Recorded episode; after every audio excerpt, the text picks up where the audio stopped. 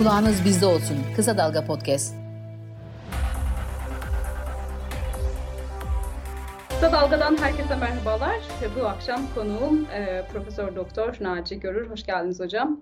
Hoş bulduk. E, hocam şimdi öncelikle bir 6 Şubat e, depremlerinin neden bu kadar ağır olduğuna dair e, bir değerlendirme sizden e, rica edeceğim. E, neden bu kadar ağır oldu etkisi ve neden Türkiye'nin neredeyse tamamında hissedildi? Hani bir ucundan bir ucuna neredeyse birçok ilde hissedildi. 6 Şubat'ta iki tane büyük deprem oldu. Biri Gaziantep'te 7.8, diğeri Maraş'ta 7.6. Bunlar bayağı büyük depremler. Peş peşe oldu sayılırlar 9 saat arayla. Ee, Doğu Anadolu fay kuşağında meydana geldi. Yani Türkiye'nin e, Arap levhasıyla sınırında meydana geldi. Sınır fayı yani levha sınırı e, fayı depremi diyebiliriz orada. E, tabii böyle büyük depremler e, sadece Türkiye değil komşu ülkelerden de duyulur. E, nitekim Afrika'da bile bu depremi hissettiler, duydular. Yani Mısır'da da depremin duyulduğu biliniyor. E, büyük olduğu için e, etkisi ne kadar neden böyle fazlaydı derseniz e, o bölgedeki biraz jeolojik yapı, kırık zonlarının fazlalığı ve biraz da zeminin özelliği, jeolojik formasyonların özelliğinden dolayıdır diyebiliriz. Hı hı.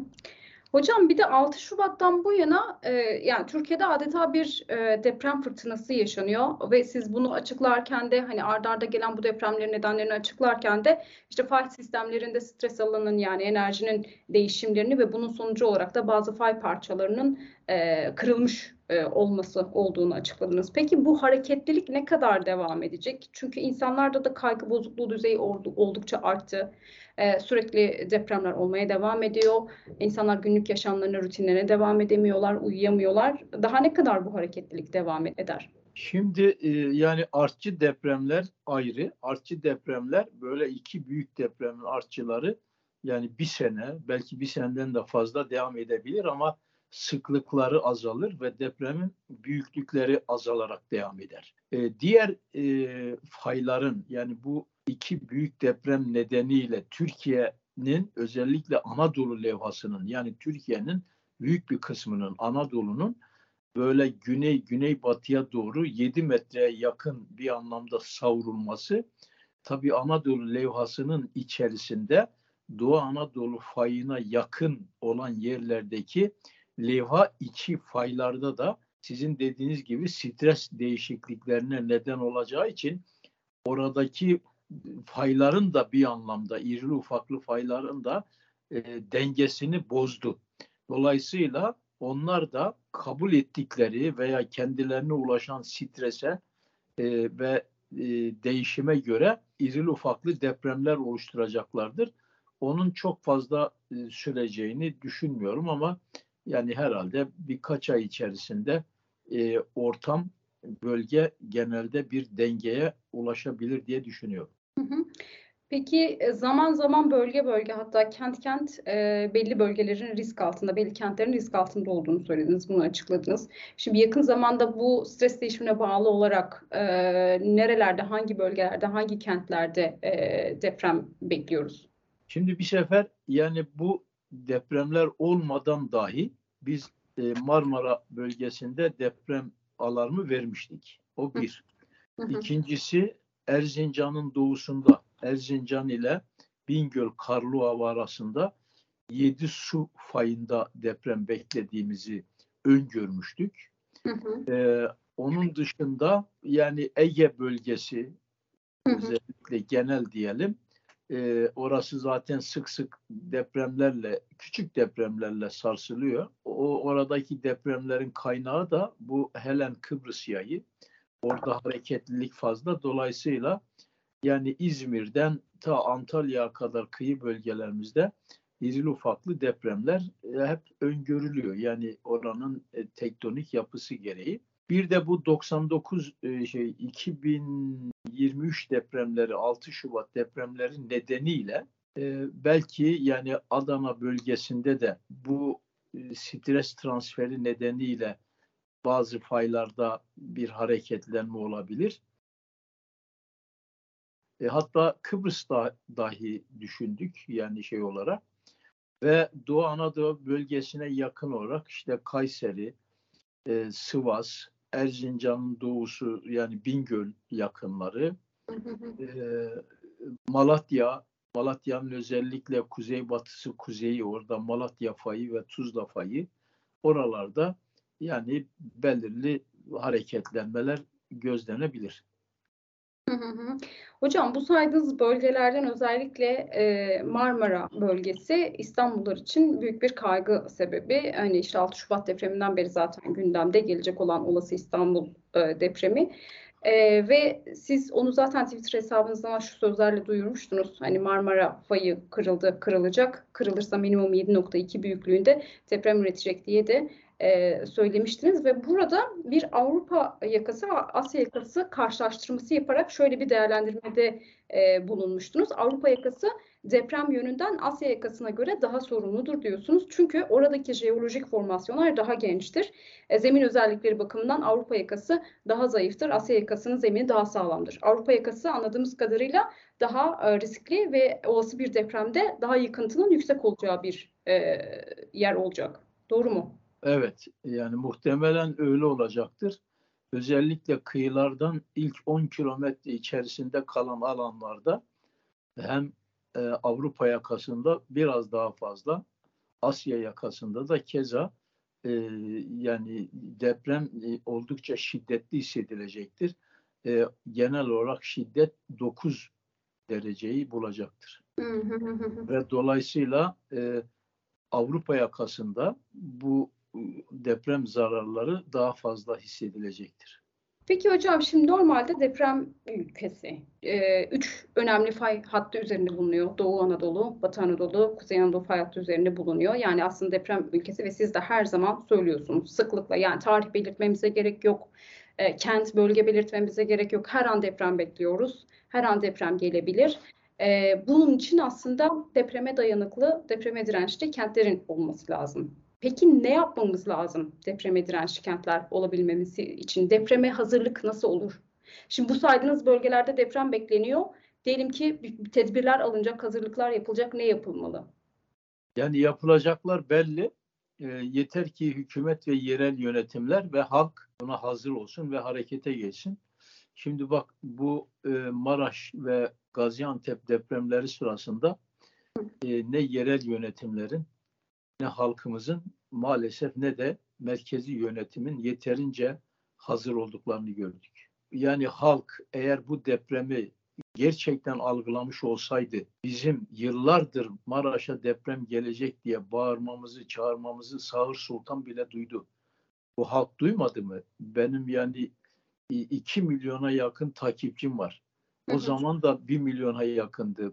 Bunu ben Twitter'da yazdığım zaman millet duymuyor muydu bunu? Elbette duyuyordu ama kendilerine bir şey dokunmayınca bizzat gözleriyle görmeyince umursamıyorlardı. Belki de inanmıyorlardı. Ama şimdi bak bir gecede 50 binden fazla insanı gömdük. Artık daha bu halk uyanmadıysa benim söyleyecek bir şeyim yok. Eğer bu halk halen daha uyanmadı, gerçeği kavramadıysa biz bu ülkeyi, bu milleti geleceğe taşıyamayız bir sefer çok net.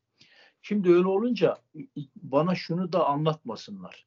Ay korkuyoruz, gece yatamıyoruz bilmem ne falan. Korkun efendim, korkun. Yani biz insanları korkutmak için bunu söylemiyoruz. Korkmamak için önlem alacaksın. Korkmamak için çatın senin başına çökmeyecek. Öyle kentlere, öyle evlere sahip olacaksın.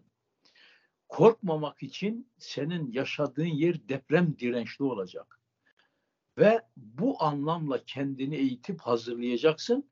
Sadece halk olarak sen değil, aynı zamanda yerel yönetimleri ve hükümetleri de uyaracaksın. Gözetim ve denetimi bizzat sen yapacaksın. Bu konuda yapmayan yönetici olunca onları oy vermemekle gerekli cezayı da göstereceksin. Böyle bir halka sahip olmadıkça zaten Türkiye'yi depreme hazırlayamayız. Yani siyasetçiler halkın nabzına göre hareket ediyorlar. E işte onu diyorum. Bu e, peki biz Maraş'a deprem gelecek mi? Dedik geldi. Peki aynı şekilde Gaziantep'e gelecek demedik mi? dedik geldi Hatay'a aynı şekilde. Peki o zaman da halk burada duydu yine milyonlardı. Niye acaba halkın en ufak bir tepkisi, en ufak bir talebi olmadı? Olmadığını da görüyoruz. E, bugünkü yıkıma bakınca yerel yönetimlerin de e, doğru dürüst bir şey yapmadığını görüyoruz. İnşaatçıların da yapmadığını görüyoruz. Merkezi yönetimin de yapmadığını görüyoruz. Herkes sınıfta kalmış. Hmm. E şimdi öyle olunca biz nasıl geleceğe bu işi götüreceğiz? Şimdi gelelim asıl soruya. Biz deprem dirençli kentler oluşturmalıyız derken şunu kastediyoruz özellikle.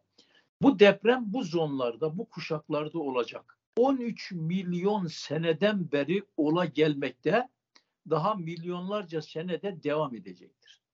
Eğer biz Türk milleti olarak bu topraklarda ilelebet yaşayacaksak, neslimizi devam ettireceksek, biz depremi de durduramayacağımıza göre deprem dirençli kentler oluşturmak zorundayız. Bunu biz mi icat edeceğiz? Hayır, dünyada bu var. Kaliforniya'da bu var, Japonya'da bu var, Şili'de bu var, Meksika'da bu var, Çin'de var, Hindistan'da var, İtalya'da var, her yerde var.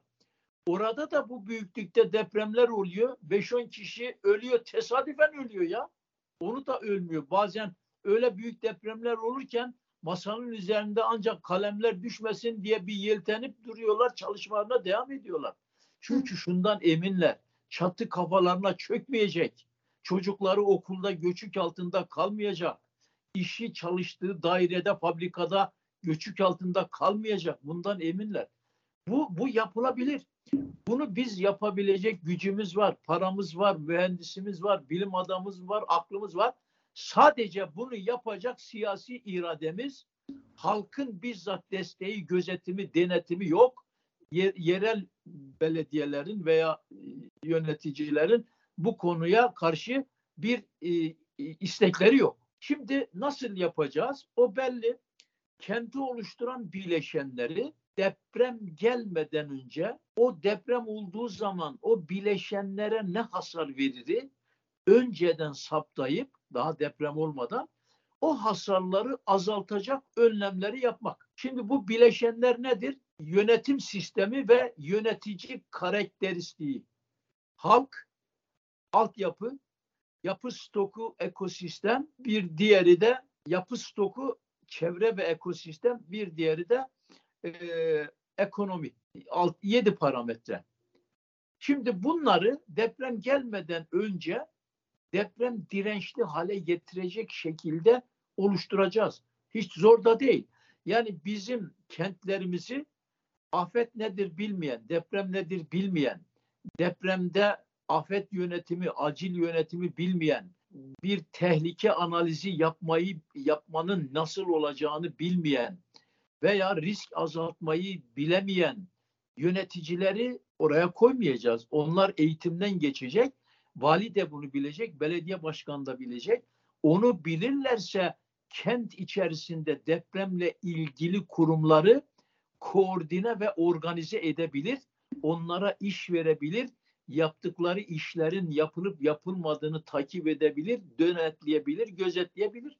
Bu kadar basit. Demek ki deprem kentlerini yönetecek yöneticiler özelliklere sahip olmalı.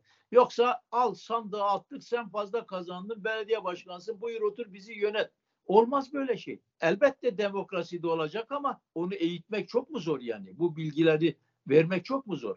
Halka gelince bakın bir halk eğer deprem bilinci, kültürü, bilgisi yoksa o kenti depreme hazırlayamazsın. O halk ne yapar yapar. Allem eder, gullem eder. Bu hakkak yanlış işler yapar kaçak kat çıkartır. Olmayan balkonları yaratır. iki katı üç, yap, üç kat yapar. Kendine göre çeşitli malzemelerle binayı yapar. Başını sokacağım der. Yani imara ve isyana aykırı her şeyi yaptığı gibi belediye başkanların siyasetin üzerine de baskı uygulayarak imar afları çıkartır. Oyla da onları ödüllendirir vesaire. Yani halk bizzat kendisi deprem kültürüne sahip olmalı ki depremde kenti zayıflatacak faaliyetlerin yapılmasına halkın kendisi müsaade etmesin. Onu yapanlara karşı kaşını kararsın, sandıkta da gereğini yapsın. Deprem kültürü bu. Yani halkın kültürü olması. Mesela bu televizyonlarda bir gördük bir Japon'a soruyorlar. Diyorlar ki ya peki gözetim ve denetim siz nasıl yapıyorsunuz Japonya'da diyor. Adamın gözü fal taşı gibi açıldı. Ne denetimi dedi. Bizim halk dedi yanlış yapmaz ki. Bizde denetim diye bir şey yok. Gerçekten de öyle. Yani Japon milleti böyle bu tür şeyleri gizli kapaklı e, gece kondu usulüyle kapkaç usulüyle oraya istediği yere bina yapıp üç katı beş katı yapıp balkonsuzu balkon yapıp alt katta bilmem sütun kesip böyle işleri yapmıyor. Yapmıyor. Yani onun için deprem kültürü halk için önemli. Bu da eğitimli olur. Anaokulundan başlayacaksın bu eğitimi götüreceksin. Üniversitelere kadar götür. Etti mi iki? Üçüncü altyapı. Dedin ya hani kenti nasıl hazırlayacağız? Üçüncü altyapı. Yol, köprü, su, viyadük, kanalizasyon şebekesi, doğalgaz şebekesi, içme suyu şebekesi, arıtma tesisleri, baraj vesaire bunlar altyapıdır. Deprem gelmeden önce olası deprem olsaydı bunlara ne zararlar verirdi? Önceden onları inceleyip bulursun. Deprem gelmeden de o vereceği zararları azaltırsın. Dolayısıyla onları deprem dirençli yaparsın. Çevre ve ekosistem depremen büyük çevre felaketi. Milyonlarca ton atık ortaya çıkar. İnşaat atığı, kimyasal atıklar, cam parçaları, tahta parçaları, demir parçaları, plastikler, işte kimyevi maddeler her şey çıkar yani deprem molozu. Bunları götürüp rastgele bilimsel olmayan yöntemlerle bertaraf edersen orada gömdüğün, koyduğun yere rastgele yerlerde fiziko kimyasal, reaksiyona uğrar. Zehirli toksik maddeler oluşturur, ağır metaller. Bunlar senin balıkçılıkla, domates yemenle, salatalık almanla tekrar sofrana gelir. Afiyetle yersin. Deprem öldürmüşse 10, 10 bin kişi. Bu çevre kirliliği de 30 senede öldürür 50 bin kişi. Yani dolayısıyla bu işleri ciddi usulüne göre yapmak lazım. Bertaraf alanlarını muhakkak bir takım kimyevi yani şeylerle havayla su temasını havayla suyla temasını çekecek membran sistemiyle buraları izole edip öyle kapatacaksın üzerlerini ki bunlar hava su toprakla temas etmesin ve çevreyi kirletmesin diye.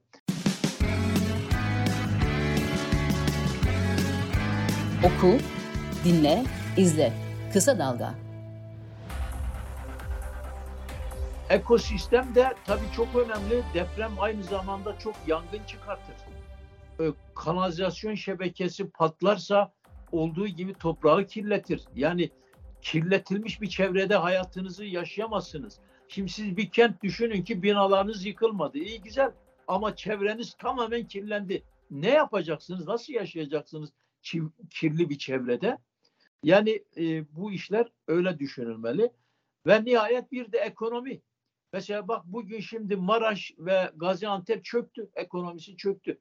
Çarkları durdu. Ekip, ekipmanlar, ekibin belki yarısı gitti öldü. Ekipmanlar çalışmaz durumda. Müşteri kaybetti, pazar kaybetti, rekabet kaybetti, üretimi kaybetti, stoku kaybetti. E peki bu kentler nasıl tekrar ekonomi çarklarını çevirecek? Kaç senede eski duruma gelecek? E oradaki insanlar ne olacak? Nasıl geçinecek? Nasıl hayatını sürdürecek?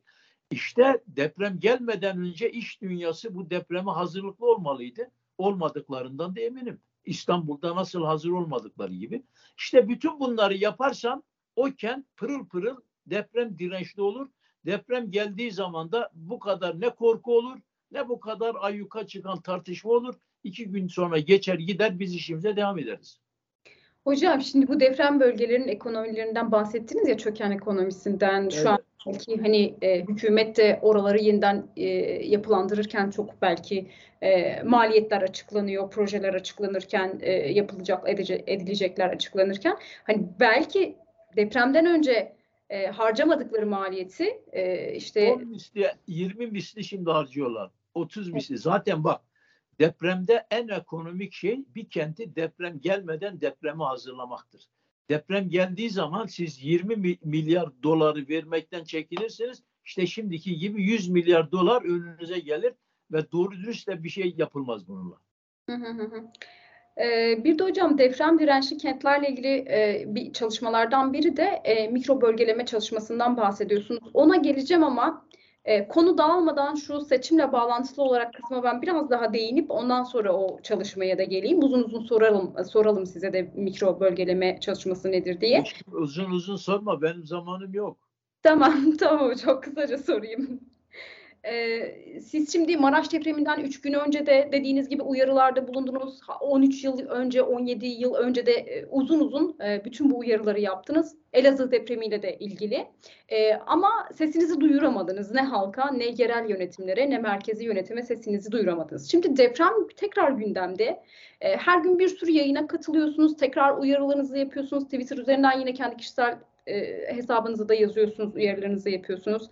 Sesinizi duyurabildiğinizi düşünüyor musunuz? Şimdi deprem gündemimizde diye bu kadar ilgili gibi görünüyoruz ama sonra her şeyi yine unutacak mıyız? Ben öyle olacağından korkuyorum ama e, ihtimal de vermek istemiyorum. Çünkü bak bu iş şaka değil. Eğer biz bu depremden sonra da eğer bu 6 Şubat'ı milat kabul etmezsek, eğer deprem dirençli yerleşim alanlarını oluşturmazsak, Türkiye Cumhuriyeti Devleti siyasi ve ekonomik bağımsızlığıyla birlikte geleceğe taşınamaz. Bak onu söyleyeyim. Tarihin çöplüğüne atılır, biten bir devlet olur. Hiç bu işin şakası yok. Onun için ben milletimin buna müsaade edeceğini sanmıyorum. Bak burada yani e, çağrım dikkat et siyasilere değil. Sadece millete. Çünkü bu milletin bu millettir bu devletin sahibi. Hı. Onun için bu ülkeyi idame ettirecek milletin kendisidir kendisi. Onun için Türk milleti aklını başına toplasın. Gerçek beka sorunu bu. Yoksa siyasilerin kendi yarattığı beka sorunları değil. Gerçek beka sorunu bu. Ya neslimizi geleceğe taşıyacağız yahut da bitip gideceğiz. Yani aslında siz e, iktidar bunu düşünmez, hükümetler bunu düşünmez. Seçmenin siyasetçiden can güvenliği sağlayacak e, kentleri oluşturabilecek e, bir e, seçmenin talep etmesini istiyorsunuz. Böyle yani bak yani vatandaş talep ederse siyasiler düşünür. Neden? E çünkü e, oy alacak. Yani şu anda bile görüyorsun bir sürü anketler yapılıyor. Niye? Millet ne düşünüyorsa ona göre kendileri de bir şey geliştiriyorlar. Millet kendi can güvenliğinin depremde ölmeme güvenliğinin bunun kader olmadığını söyleyip siyasilerden bunu isteyecek. Demokratik anlamda isteyecek. Sivil toplum örgütleri yapıp isteyecek. EYT'li, EYT'lilere benzer şekilde örgütlenip isteyecek ve kendine ciddi bir deprem programı sunmayan hiçbir partiye de oy vermeyecek. Partizanlığı bırakacak, devletin bekası için bunu yapacak. Bunu yapmadığı sürece bizim geleceğimiz yok demektir. Bir bilim adamı olarak bunu söylüyorum. Kim alınır, kim kızarsa kızsın. Hocam bir de tam buna bağlantılı olarak şimdi seçimler yaklaşıyor. E, deprem bölgelerinde de sanki bir seçim projesi gibi yenileme çalışmaları da başladı hemen. E, ama aslında artçılar devam ediyor, depremler devam ediyor. O yenileme çalışmaları ile ilgili de sizin bir uyarınız olmuştu. Ne kadar sağlıklı şimdi depremler devam ederken yenileme çalışmalarına da hemen e, beton dökmeye başlamak? Şimdi yani ben bu hükümet tarafından bilim kuruluna da seçildim ama daha kısmet olmadı. Yani bir yetkiliyle konuşmak. Böyle gruplandırıyorlar. Kendi kendimizle de konuşacak halimiz yok ama e, tabii ben bunları doğru bulmuyorum. Yani mikro bölgeleme çalışması yapılmadan e, bu işe girişilmesini doğru bulmuyorum. Mikro bölgeleme çalışması bir anlamda depreme e, uygun yerlerin tespiti bakımından çok daha önemli olacak. Zaten bu bölge yani Diyarbakır'dan tutun Hatay'a kadar yerleşime çok uygun değil. Özellikle Maraş, Hatay, Antakya arası yerleşime uygunluk bakımından pek de iyi değil. Ee, öyle fazla alternatifiniz de yok. Siz burada e, her durumda fay kuşaklarının içinde kalacaksınız. Ancak burada yapılması gereken en önemli şey bu hatta yeni inşaat teknolojileri uygulamak zorundasınız.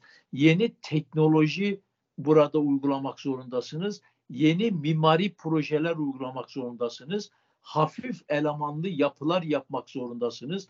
Ağır yapılardan, gökdelenlerden kaçmak zorundasınız. Yani başka türlü bu bölgede e, deprem dirençli kent oluşturamazsınız. Eğer bunu yapmazsanız aynı problemi gelecek nesillerinize ihale edersiniz. Aynı sorunla onlar karşılaşırlar. Buna hakkımız yok demektir.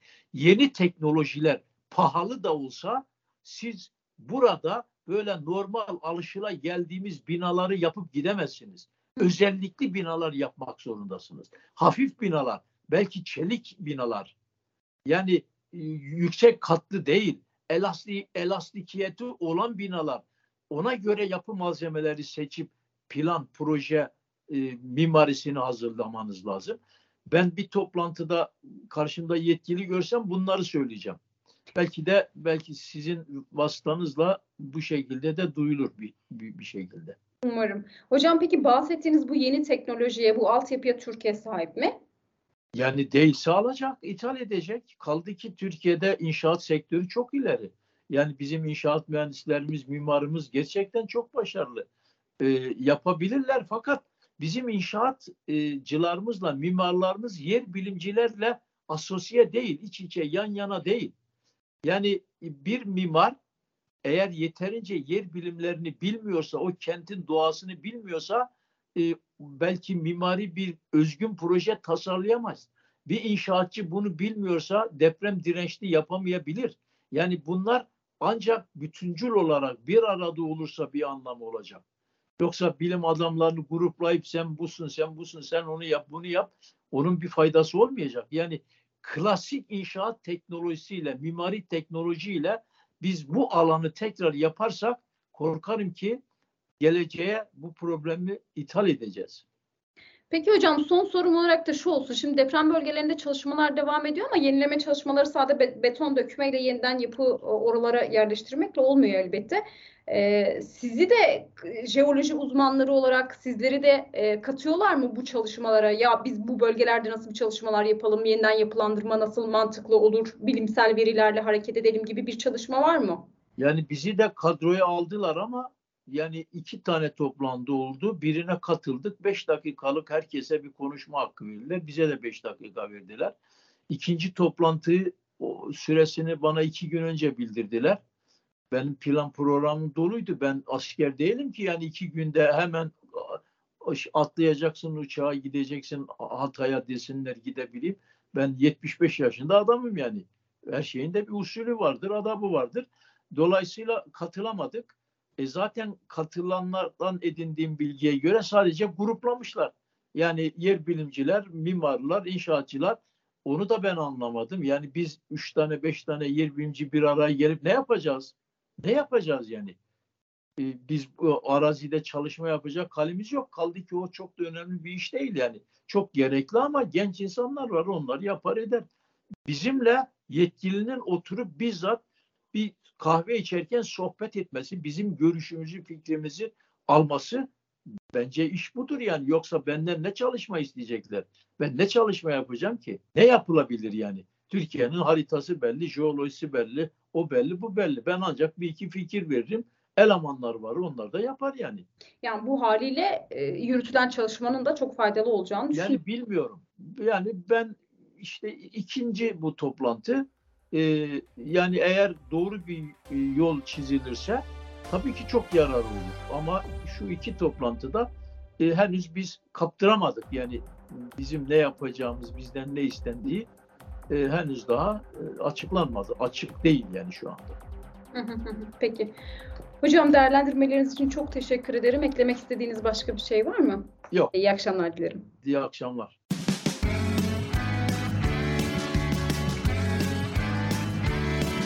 Kulağınız bizde olsun. Kısa Dalga Podcast.